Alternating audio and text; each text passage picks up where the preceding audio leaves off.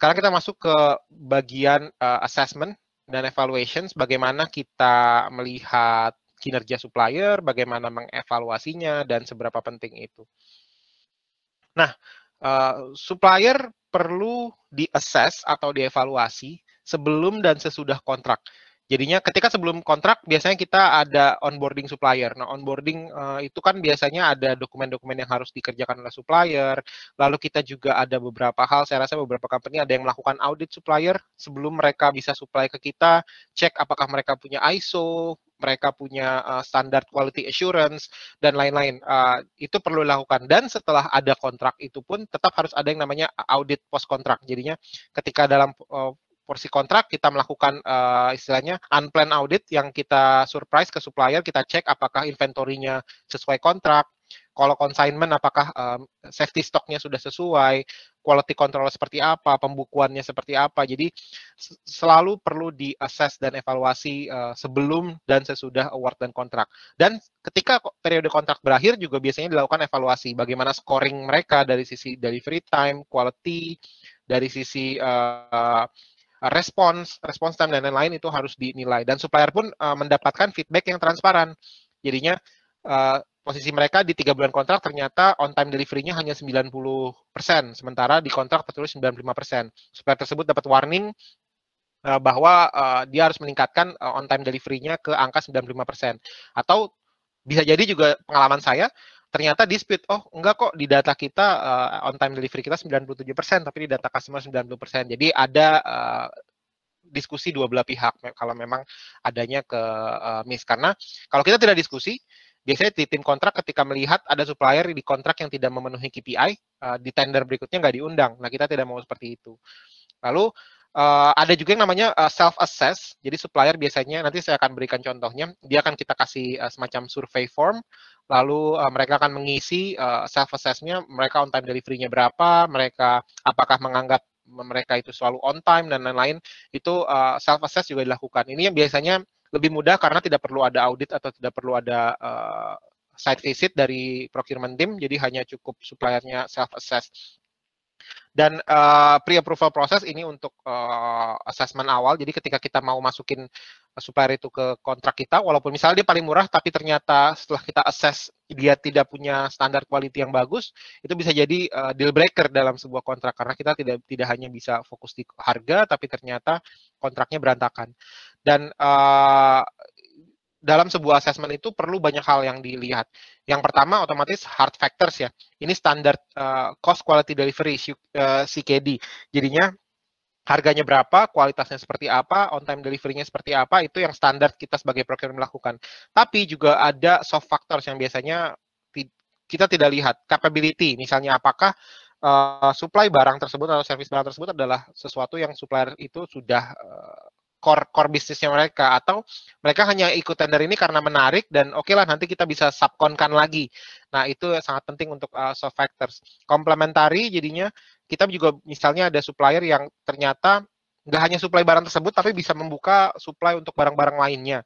Lalu culture. Nah, itu juga penting biasanya uh, culture karyawan uh, supplier itu apakah tipikalnya yang memang misalnya kita uh, supplier uh, kita selalu on time tapi supplier tersebut uh, tipenya yang ya udah kalau misalnya belum dipanggil ya belum dikerjakan. Kita juga mau lihat uh, culture seperti itu. Ini yang biasanya susah di measure susah dinilai dibandingkan cost quality delivery tapi sama pentingnya dengan hard factor tersebut. Dan dalam kontrak manajemen atau nanti SRM uh, kita harus melakukan waiting system.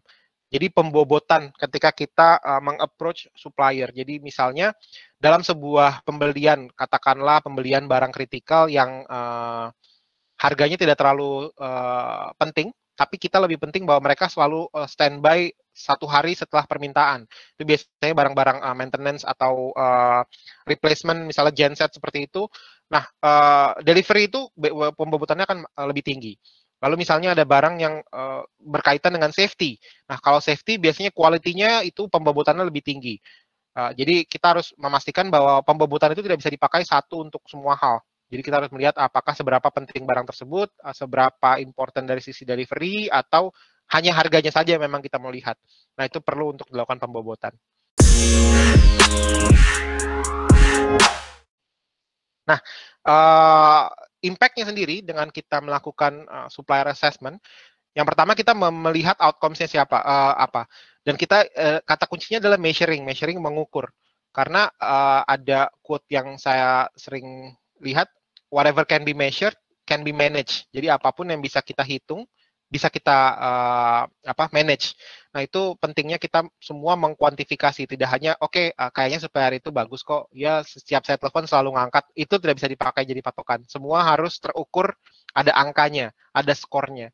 Nah uh, di mana nanti uh, at the end measuring outcome saya itu akan uh, memeasure proses yang deliver outcomes. Kita tahu supplier tersebut on time karena supplier tersebut punya proses yang membuat mereka menjadi on, on time. Jadi itu tidak bisa sesuatu, tidak, bukan sesuatu yang instan dan berdasarkan feelings.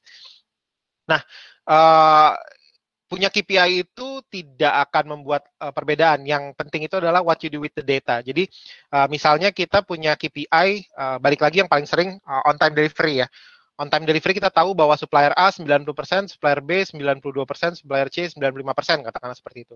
Tapi oke, okay, what what else gitu ketika punya hak angka tersebut, apa yang kita mau lakukan dengan angka tersebut? Apakah kita akan review, oke okay, kita punya supplier 90%, bagaimana cara meningkatkan supplier tersebut ke 95%? Kita visit supplier tersebut, kita interview salesnya, kita tanya bagaimana proses tes mereka ketika delivery dan dari situ misalnya kita bisa bantu mereka untuk improve sistem mereka. Lalu atau kita menggunakan data tersebut untuk benchmarking ke supplier lain. Jadinya uh, data itu uh, bukan hanya untuk dijadikan report tapi untuk dijadikan uh, action plan di uh, SRM tersebut. Dan uh, action speak louder than word. Nah ini juga uh, yang biasanya supplier itu punya KPI tapi uh, KPI tersebut ya udah gitu. Ketika mereka offer deliver dari KPI mereka tidak mendapatkan award, surat terima kasih aja tidak mendapatkan apa pun, tapi ketika mereka tidak mencapai KPI mereka dipunish, penalti dan lain-lain. Jadinya uh, selalu both way ya, uh, reward dan punishment itu harus balance. Hal paling simple misalnya uh, memberikan surat terima kasih dengan supplier. Kadang-kadang kan surat-surat tersebut bisa dipajang sama supplier di LinkedIn-nya. Ini saya mendapatkan surat apresiasi dari supplier eh dari customer A karena saya on time-nya 97%. Jadi hal-hal simple seperti itu yang saya rasa setengah hari juga bisa dikerjakan oleh procurement untuk membuat surat dan ditandatangani sama uh, direktur atau manajemen itu sangat simple tapi impact-nya sangat penting ke supplier dan uh, itu harus konsisten jadi ketika mereka di bawah uh, under measure dari KPI, kita juga memberikan reward. Reward itu tidak harus uh, sorry, punishment. Punishment tidak harus selalu penalti, bisa jadi uh, bukan bukan hanya komersial penalti, tapi misalnya jadi misalnya kita meminta mereka untuk memberikan uh, correction active plan, corrective action plan. Jadi uh, dari misalnya ketika mereka tidak mendapatkan on time delivery yang sesuai, mereka harus memberikan proposal ke kita bagaimana proses mereka dalam short term uh, dua bulan memperbaiki proses on time delivery mereka. Dan itu uh, both way gitu supaya pun jadi meningkatkan kualitas mereka ke, ke customer lain. Dan customer pun mendapatkan service yang meningkat. Itulah uh, pentingnya ada review berkala dan ada uh, reward and punishment system. Dan terakhir supplier assessment uh, mendapatkan motivational impact. Nah, ini uh, yang saya bilang tadi, ketika supplier itu mendapatkan apresiasi atau mendapatkan teguran atau feedback itu akan ada impact-nya uh, terhadap supplier tersebut. Mungkin uh, sharing cerita sedikit kalau tahu uh, pasti punya atau tahu produk Apple ya. Dan uh, Tim Cook itu kan sekarang CEO-nya. Dia uh, dulu sebelum jadi CEO di bawah uh, Steve Jobs dia itu COO. Dan apa yang membuat Apple menjadi sangat seperti sekarang itu adalah supply chain-nya. Dan bagaimana tim Cook itu dia melihat operations, dia mengapproach suppliers dan memberikan suppliers itu benar-benar eh, dalam tanda kutip digembleng sama tim Cook untuk mencapai standarnya Apple, dipak, diberikan standar yang tinggi, diberikan uh, punishment dan lain-lain. Tapi at the end, ketika supplier tersebut survive sampai akhir, dia akan bilang, ya kita menyuplai ke Apple, kita meningkatkan kualitas kita dan otomatis customer lain pun tahu karena kita suppliernya Apple, customer tersebut memilih kita sebagai supplier. Jadi secara tidak langsung ketika kita mengimprove kualitas supplier, supplier tersebut meningkatkan posisi mereka di market dan membuat mereka juga terbuka ke customer-customer lain. Jadi uh, impact-nya jauh dari sekedar kita mendapatkan uh, diskon ya, tapi itu impact-nya lebih dan ketika supplier melihat kita sebagai customer yang penting, balik lagi ke SRM, mereka akan memprioritaskan dari sisi harga, delivery, prioritas dan lain-lain. Jadi itu uh, lingkaran seperti lingkaran ya, dan itu uh, ketika kita berbuat baik ke supplier, supplier pun akan at the end uh, akan berbuat baik ke kita.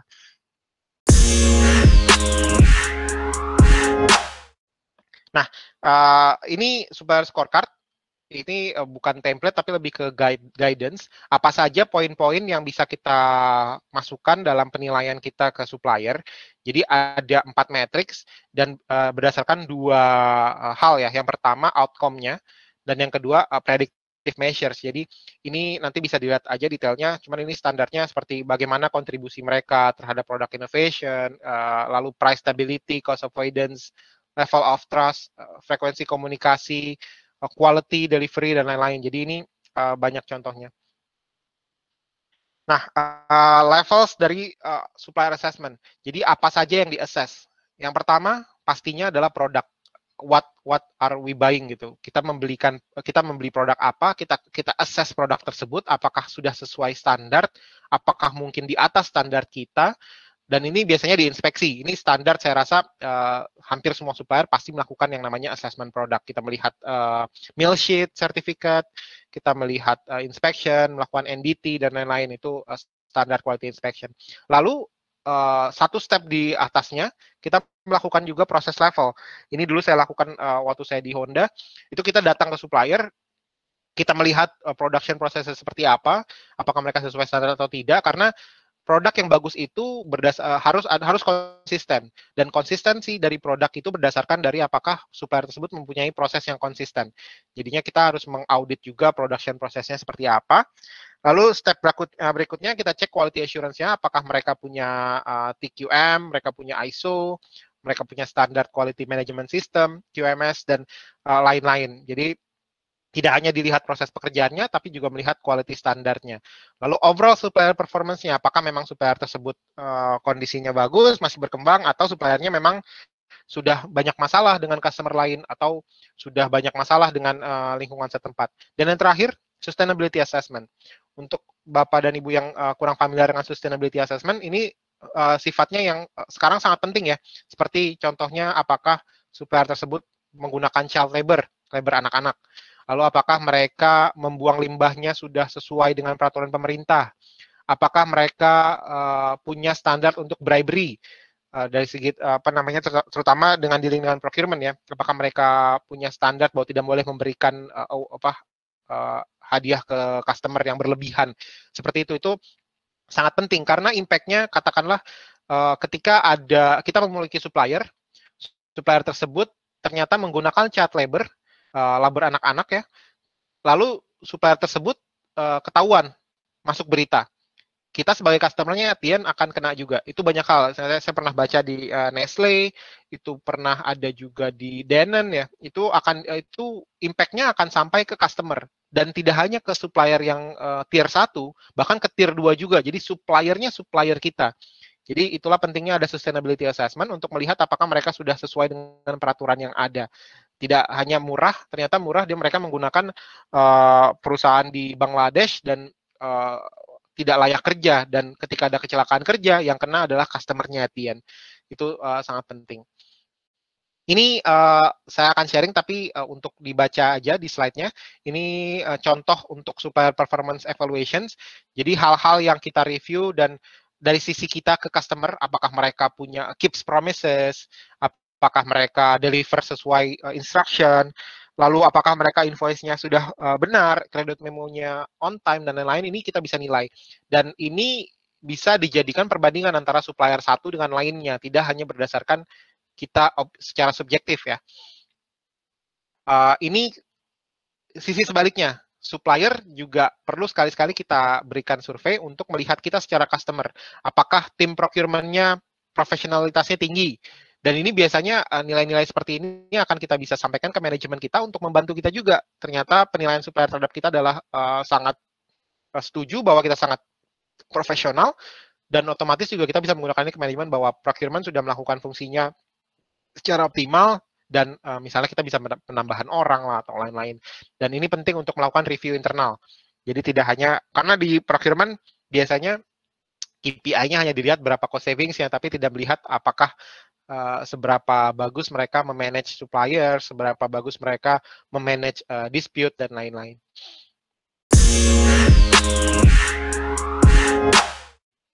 Uh, ini juga uh, penting. Ini supplier metric principle yang saya dapatkan waktu saya pernah training dan saya pakai ini untuk sampai sekarang. yang pertama, uh, measure what is important. Selalu ukur hal yang penting, bukan apa yang mudah diukur. Seperti saya bilang tadi, paling mudah mengukur adalah harga otomatis. Kita melihat harga di quotations, delivery time, kita melihat delivery di, uh, di uh, quotations. Tapi yang biasanya yang susah diukur quality. Misalnya berapa rejection rate dari uh, barang yang dikirim apakah kita beli dari Cina atau beli dari India, beli dari Indonesia, berapa rejection rate-nya. Lalu berapa banyak isu yang uh, terkait uh, custom, itu hal-hal seperti itu. Jadi uh, selalu ukur apa yang penting. Lalu yang kedua, um, use process atau predictive metrics, dan selalu ukur outcome-nya. Jadi penilaian yang tadi saya bilang, selalu menggunakan matrix uh, angka ya, jadi tidak bisa menggunakan feeling, karena kita procurement karena saking banyaknya kerjaan biasanya ya udah kita punya uh, dalam uh, di kepala kita selalu ada uh, supplier of choice. Uh, saya lebih suka supplier ini karena uh, salesnya enak atau saya suka supplier ini karena ya selalu on time ketika kita RFQ. Itu tidak bisa harus ada uh, matrix penilaiannya tersebut. Nah, become comfortable with subjectivity. Jadi kita yang namanya procurement itu bukan ilmu eksak ya kita bukan mengukur uh, matematika atau lain, tapi kita uh, ilmu sosial, relationship dengan supplier, kita menilai hubungan dan lain-lain, dan itu pasti akan subjektif. Nah, bagaimana mengurangi subjektivitas?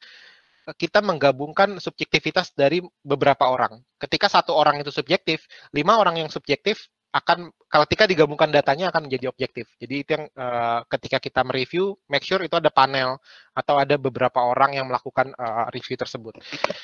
Yang keempat, situasikan matriks untuk uh, fasilitas dialog. Nah, ini uh, dari penilaian yang kita punya, selalu pakai penilaian tersebut untuk menjadi menjadi bahan dialog kita dengan supplier. Misalnya yang saya sudah jelaskan tadi, supplier tersebut over deliver terus, semua standar KPI mereka over. Ketika kita dialog dengan supplier, kita nggak bisa bilang, eh kalian kenapa sih deliverynya jelek? Kita nggak mungkin seperti itu karena jelas-jelas penilaian matriks kita menunjukkan bahwa supplier tersebut bagus. Yang kita lakukan adalah uh, kalian uh, ini sangat baik dan kita appreciate, kita akan prioritaskan kalian di tender berikutnya. Mungkin yang bisa kalian bantu apakah bisa sharing bagaimana proses kalian untuk uh, punya on time delivery yang sangat bagus dan at the end kita bisa mengadaptasi ilmunya supplier ke kita. Uh, define metrics jointly with supplier. Nah, uh, ini yang kadang-kadang kita juga nggak hampir nggak pernah lakukan sebagai procurement. Ketika kita memberikan standar KPI, kita satu arah kita punya standar KPI, supplier harus ngikutin. Yang baiknya adalah karena kita nggak tahu bisnisnya supplier seperti apa, kita diskusi untuk KPI tersebut. Apakah itu wajar, apakah itu acceptable, dan itu kita mendefine uh, bersama dengan uh, suppliernya. Share data with suppliers dan uh, compare dengan peers. Nah, uh, data tersebut harus terbuka dan dijadikan bahan review dan di dengan uh, supplier-supplier lainnya. Kita melihat standar tersebut dan biasanya kelihatan tuh supplier-supplier yang under performance itu seperti apa dan yang over performance seperti apa. Untuk yang under performance kita bisa uh, punishment atau kita bisa tingkatkan. Yang over yang over delivered kita bisa reward dan kita belajar dari mereka. Dan terakhir uh, define metrics untuk mengakses relationship. Nah, ini juga melihat apakah supplier tersebut melihat kita sebagai uh, strategi customer atau uh, dan lain-lainnya itu matriks tersebut bisa kelihatan biasanya.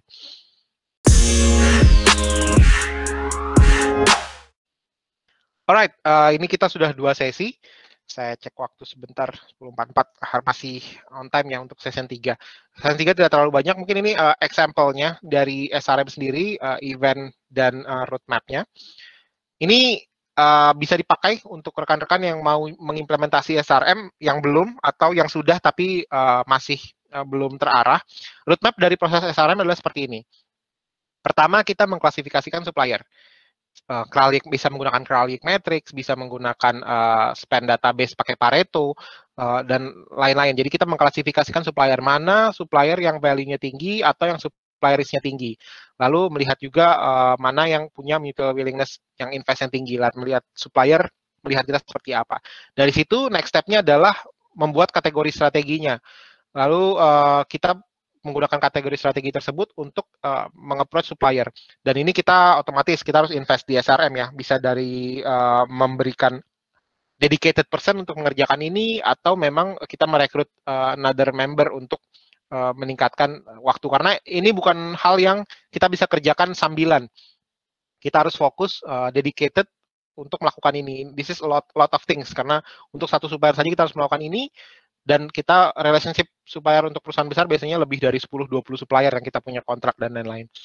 Lalu uh, next step, lalu fokus supplier relationship management ke key suppliers. Jadi uh, diprioritaskan adalah supplier-supplier yang uh, high high value atau high criticality, lalu turun ke bawah ke supplier-supplier yang medium dan low risk. Jadi jangan spend waktu untuk hal-hal yang tidak terlalu uh, signifikan untuk bisnis.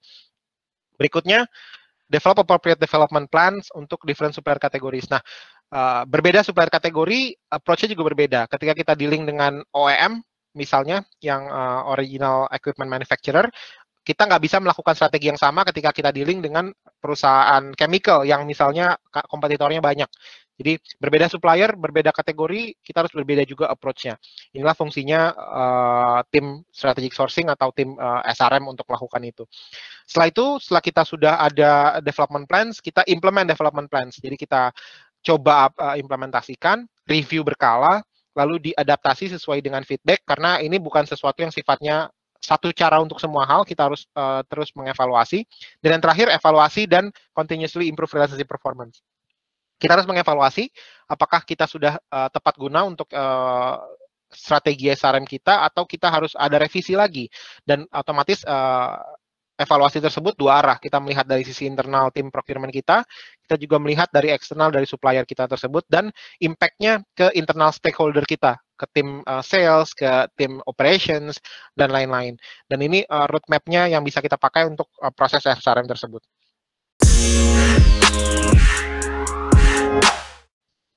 Uh, another examples untuk SRMs, ini yang paling contoh-contoh standar yang bisa kita lakukan.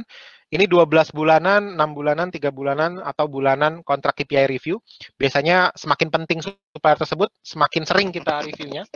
Uh, katakanlah untuk supplier yang tidak terlalu penting, kita hanya review 12 bulanan, kita review KPI, membuka scoring scorecard-nya, lalu membahas uh, kendalanya, review apakah harganya bisa kita review lagi, misalnya menguntungkan untuk kita, dan uh, kedua belah pihak untuk menyampaikan discussion untuk feedback sessions. Supplier audit, again, tergantung dengan seberapa penting supplier, kita bisa melakukan berkala setiap enam bulan, setiap tiga bulan, setiap setahun, atau misalnya hanya dua tahun sekali, itu juga bisa. Uh, satisfaction survey, ini bisa kita lakukan setahun dua kali atau setahun sekali. Supplier interview, ini uh, basically kita coba mengkorek dari sisi supplier bagaimana dealing bisnis dengan kita, apakah, dan ini juga bisa membuka pintu untuk mengetahui kalau ada fraud di internal tim kita. Misalnya kita tahu dari supplier bahwa tim procurement kita yang bernama A dia sering uh, minta uh, apa upeti gitu ya. Jadi ini biasanya juga bisa bisa ketahuan kalau kita tahu menanyakan ke supplier yang tepat. Karena beberapa supplier pun uh, saya rasa uh, ada mereka milih-milih untuk hal seperti ini. Lalu terakhir supplier visit. Ini hal simple, kita datang tidak perlu audit, tidak perlu apa, benar-benar hanya visit. Karena sebagai procurement kita sudah pasti sering yang namanya ada kas ada uh, supplier yang visit ke kita. Itu saya, hampir tiap hari kita kedatangan supplier, uh, ngajak meeting, ngenalin barang, portfolio, portfolio baru, tapi yang kita lupa adalah kita nggak pernah visit supplier. Nah ini uh, biasanya uh, motivational impact juga ke supplier ketika kita seorang procurement datang ke mereka dengan tujuan ya hanya ngobrol aja, hanya melihat-lihat, tidak ada tujuan resmi untuk audit, tidak ada minta negosiasi barang, tapi hanya untuk mengextend relationship. Nah, ini juga bisa kita lakukan. Uh, lalu contoh berikutnya ada Suppliers Day. Ini saya ambil contoh uh, yang saya temu di website, tapi saya juga pernah melakukan ini di tahun 2017 di waktu saya kerja di Valmet. Ini uh, sebuah event, kita melakukan event mengundang supplier-supplier kritikal kita. Lalu biasanya kita menyampaikan update bisnis, menyampaikan terima kasih atau lain-lain uh, yang sifatnya uh, ke banyak supplier. Kita mengundang supplier-supplier penting waktu itu uh, waktu saya bekerja di Valmet itu kita baru buka workshop baru, suppliernya jadi banyak yang baru. Tujuannya adalah untuk menjelaskan bahwa Valmet itu apa. Karena waktu itu nggak ada yang tahu Valmet itu apa. Jadi dan setelah melakukan supplier day, setelah itu impact-nya sangat signifikan. Saya mudah negosiasi payment term karena mereka tahu format itu seperti apa. Lalu saya juga mudah mengajak supplier untuk kontrak dan lain-lain. Karena uh, supplier itu kadang-kadang bahkan buka website kita aja nggak mau. Mereka hanya tahu bahwa mereka beli barang ke kita beli barangnya banyak atau tidak. Padahal kalau kita bisa menjelaskan bahwa bisnis kita ini bagus loh, kita ini akan berkembang. Jadi kalau kalian menjadi supplier kita, otomatis kalian juga akan berkembang. Nah itu yang biasanya kita lakukan di supplier day. Dan ini juga membuka perkenalan-perkenalan uh, ke supplier-supplier lain sekaligus ke internal manajemen kita. Uh, contoh berikutnya supplier award. Ini contoh di Daimler ya uh, ini saya rasa juga di Indonesia lumayan banyak, terutama di oil and gas, di Pertamina itu suka saya sering lihat di mining itu juga ada. Ini event di mana kita memberikan award ke supplier uh, karena performance mereka. Jadi biasanya ada outstanding performance dan partnership, ada sustainability, inspirations dan lain-lain. Dan impact-nya sangat signifikan ketika supplier mendapatkan uh, award, mereka bisa menunjukkan award tersebut ke customer mereka yang lain dan otomatis kita pun menunjukkan bahwa kita mengapresiasi mereka dan mereka akan mendapatkan motivasi yang lebih tinggi untuk meningkatkan performance mereka. Jadi ini juga event yang mungkin Bapak dan Ibu kalau lagi ada budget dan ingin jumpstart uh, bisnis procurement-nya, misalnya susah nyari supplier, supplier day seperti ini satu hari yang uh, supplier day lah paling simpel. Satu hari kita melakukan event di hotel it's not it's not that big of money ya paling 20 juta 25 juta kita bisa ngadain acara untuk uh, 20 30 supplier. Ini sudah impact-nya sangat sangat signifikan untuk semua proses kita.